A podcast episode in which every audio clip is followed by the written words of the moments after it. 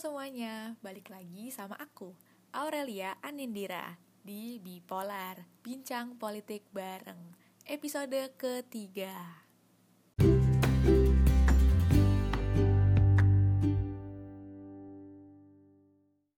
Kali ini kita mau bahas sesuatu yang seru banget nih, yaitu seputar lembaga sampiran atau State Auxiliary Agencies. Nah, sebelumnya, lembaga sampiran itu apa sih? Kenapa lembaga sampiran ciptakan? Apa aja contoh dari lembaga sampiran? Semua itu bakal terjawab di episode kali ini. Jadi, pastiin kalian dengerin sampai akhir ya. Lembaga sampiran negara dianggap sebagai salah satu implikasi era reformasi.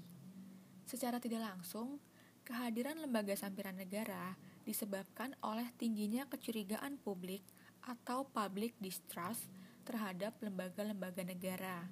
Entah itu karena dianggap belum berfungsi secara maksimal dalam mendukung agenda reformasi, ataupun karena sebab-sebab yang lainnya. Sejak era reformasi, tercatat muncul beberapa lembaga sampiran negara di Indonesia. Contohnya seperti Komisi Nasional Hak Asasi Manusia atau Komnas HAM, Komisi Penyiaran Independen atau KPI, Komisi Pemilihan Umum atau KPU, Komisi Pemberantasan Tindak Pidana Korupsi atau KPK, Komisi Ombudsman Nasional atau KON, dan yang lainnya. Kehadiran lembaga sampiran negara ini pula menunjukkan adanya sesuatu yang baru dalam praktek ketatanegaraan Republik Indonesia. Ombudsman Terbentuknya lembaga-lembaga sampiran tersebut dilatar belakangi oleh bermacam-macam hal. Misalnya saja, pembentukan KPK melalui Undang-Undang Nomor 30 Tahun 2002 yang didasari oleh lembaga pemerintah, baik itu kejaksaan dan kepolisian, yang belum berfungsi secara efektif dan efisien dalam menangani korupsi. Nah, gimana sih kedudukan lembaga sampiran negara di dalam sistem ketatanegaraan di Indonesia?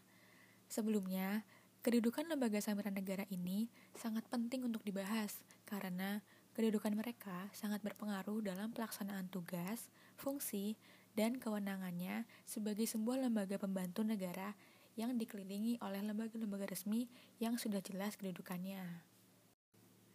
Contoh yang pertama adalah KPK. Menurut Undang-Undang Nomor 30 Tahun 2002, KPK merupakan lembaga negara yang bersifat independen dan bebas dari pengaruh kekuasaan mana pun. KPK adalah lembaga yang kewenangannya diberikan langsung oleh Undang-Undang Dasar. Sepanjang kewenangan itu tidak bertentangan dengan Undang-Undang Dasar, maka harus dipandang sebagai lembaga negara yang berkedudukan sejajar dengan lembaga-lembaga negara lain seperti MPR, Presiden, DPR, dan lain-lain yang kewenangannya diberikan oleh Undang-Undang Dasar. Contoh selanjutnya adalah Komnas HAM. Komnas HAM diposisikan sebagai lembaga mandiri yang berkedudukan setingkat dengan lembaga negara lain, yang dalam menjalankan fungsi dan kewenangannya berdiri sejajar dengan lembaga-lembaga negara lain yang kewenangannya diberikan oleh Undang-Undang Dasar 1945. Secara vertikal, Komnas HAM memiliki posisi sejajar dengan lembaga negara lain. Namun, dalam pelaksanaan fungsi, tugas, dan kewenangannya, komisi ini harus memberikan laporan kepada Presiden dan DPR. Sehingga dapat kita simpulkan, meskipun kedudukan yang sejajar, dari segi pertanggungjawaban, komisi ini berada di bawah Presiden dan DPR. Nah, dari penjelasan yang udah aku paparin, kalian udah mulai ada gambaran kan ya tentang lembaga sampiran negara. Dari paparan barusan, aku juga sempat bahas beberapa contoh dari lembaga sampiran negara – tapi kita bahas beberapa secara lebih spesifik yuk. Kita mulai dari KPK. Pada mulanya, KPK diciptakan untuk meningkatkan daya guna dan hasil guna terhadap upaya pemberantasan tindak pidana korupsi. Secara yuridis, KPK memiliki lima tugas di bidang pemberantasan korupsi. Di antaranya adalah melakukan koordinasi dan supervisi terhadap instansi yang berwenang, melakukan pemberantasan tindak pidana korupsi, melakukan penyelidikan, penyidikan, dan penuntutan terhadap tindak pidana korupsi, melakukan tindakan-tindakan pencegahan tindak pidana korupsi, dan melakukan monitor terhadap penyelenggaraan pemerintah negara. kasus-kasus korupsi yang ditangani oleh KPK sering kali mendapat perhatian serta apresiasi dari publik. Setelah itu ada Komnas HAM. Komnas HAM mulanya bertujuan untuk membantu pengembangan kondisi yang kondusif bagi pelaksanaan HAM dan perlindungan HAM di Indonesia. Pembentukan Komnas HAM adalah perintah langsung dari UUD 1945. Oleh karena itu, dapat kita simpulkan bahwa eksistensi Komnas HAM dalam sistem ketatanegaraan Republik Indonesia memiliki landasan hukum yang kuat karena dibentuk dengan undang-undang dan dilegitimasi oleh konstitusi negara.